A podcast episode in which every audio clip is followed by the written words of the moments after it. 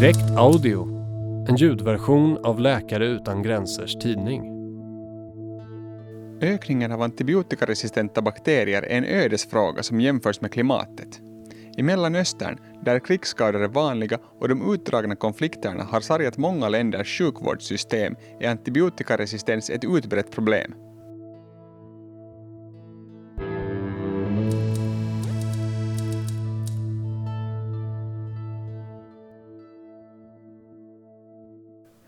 Bakterier finns omkring oss, på oss, till och med inom oss.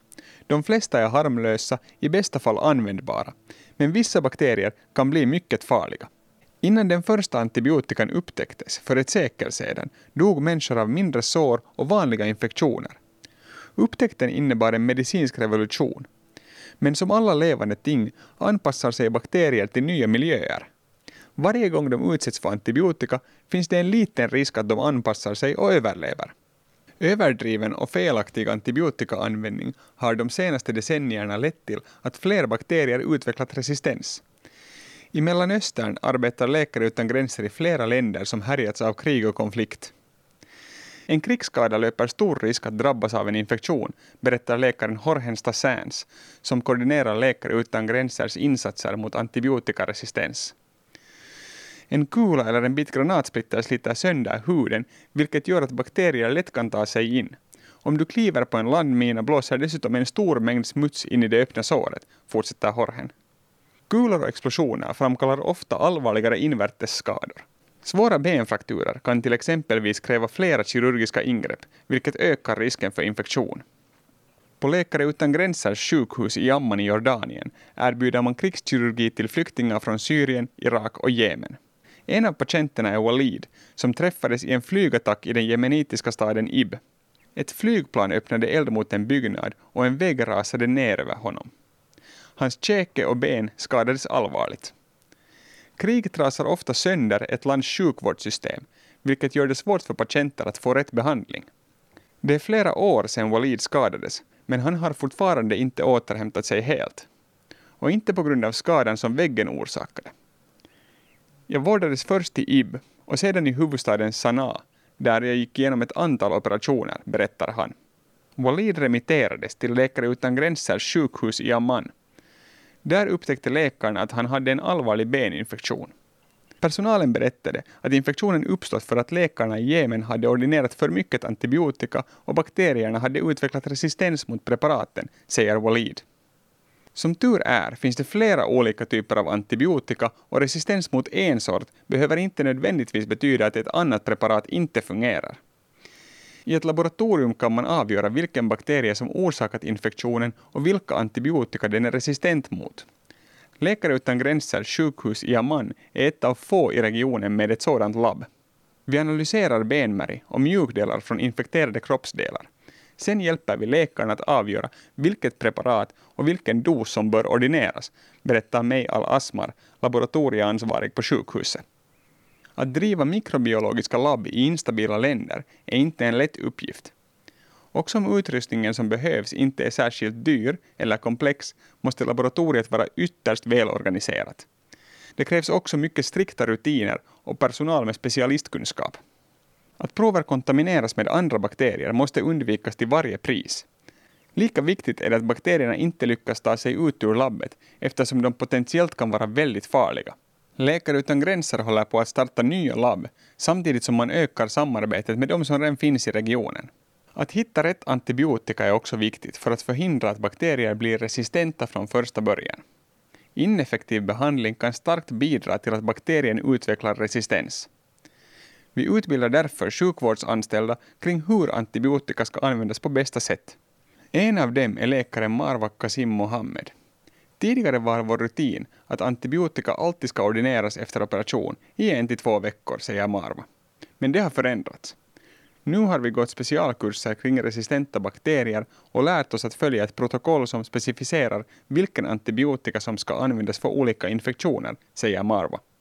Minst lika viktigt är åtgärder för att minska smittospridning. Trots att omfattande regler kring antibiotikaanvändning Trots att omfattande regler kring antibiotikaanvändning kan förhindra att bakterier utvecklar resistens inom sjukhusets väggar, så är en del patienter infekterade redan när de skrivs in.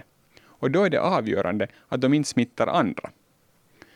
Hygien är A och O, säger Fatima Salim Yunis, smittskyddsansvarig på Läkare utan gränsers sjukhus i Mosul i Irak.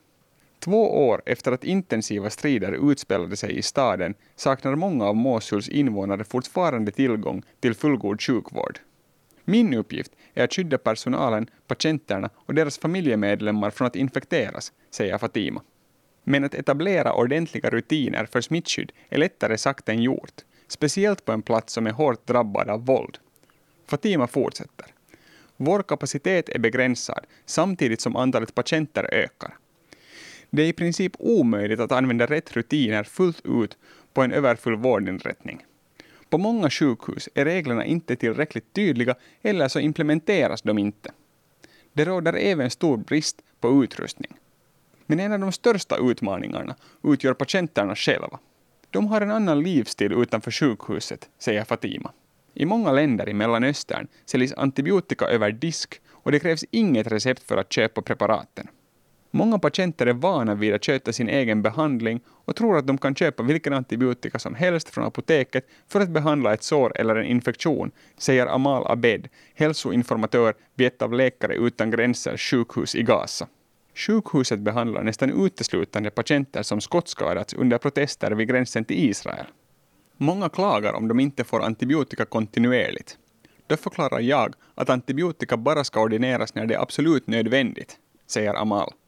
Hälsoinformatörerna spelar en viktig roll för att hjälpa patienter förstå behandlingen och få dem att acceptera de rutiner som är avgörande för att minska smittspridning. En del regler kan verka drastiska, som att placeras i ett ensamt rum, kanske i flera veckor, istället för att dela en större sal med andra patienter. När patienter isoleras blir de oroliga, säger Amal. Men de kan leva normalt och ta emot besökare. De måste bara anta en rad försiktighetsåtgärder. Sen när de förstår att de kan lämna sitt rum om de har sjukhusdräkt på sig och har använt handsprit, så då accepterar de reglerna. Amal berättar att han är väldigt glad över att se att de patienter som har deltagit i informationsträffar kring smittspridning för vidare kunskapen till nya patienter som skrivs in och till sina nära och kära. Tillbaka i Amman är Walid på bättringsvägen. Men det har tagit otaliga månader av specialistvård. Tack vare Gud och läkarnas insatser är jag nu 90 procent friskförklarad, säger Walid. Hans och andra patienters möjlighet till effektiv behandling må vara ett framsteg, men det finns många utmaningar kvar att tackla. Vårt inflytande över privata vårdgivare är begränsat och de utgör en stor del av sjukvårdssystemet i många länder, säger Horhen. Utmaningen som antibiotikaresistens utgör är inte heller begränsad till sjukvården. Den största majoriteten antibiotika används inte ens inom det medicinska området utan inom boskapsuppfödning och jordbruk, områden som vi inte arbetar med alls. Det behövs väldigt många fler övergripande insatser mot antibiotikaresistens, säger Horhen. Utöver att utöka de medicinska insatserna mot resistenta bakterier satsar Läkare utan gränser därför också på att sprida information och bedriva påverkansarbete för att fler aktörer ska se över sin roll och stoppa ökningen av antibiotikaresistens. Den här artikeln ingick i Läkare utan gränsers tidning Direkt nummer 4 2019. Artikeln är skriven av Sanna Gustafsson och uppläst av mig, Björn Udd. Du hittar fler inläsningar om du söker på direkt audio på plattformarna Soundcloud, iTunes, Acast, TuneIn med mera. Du kan ladda ned pdf-tidningen till din dator eller surfplatta på vår hemsida www.lakareutangranser.se.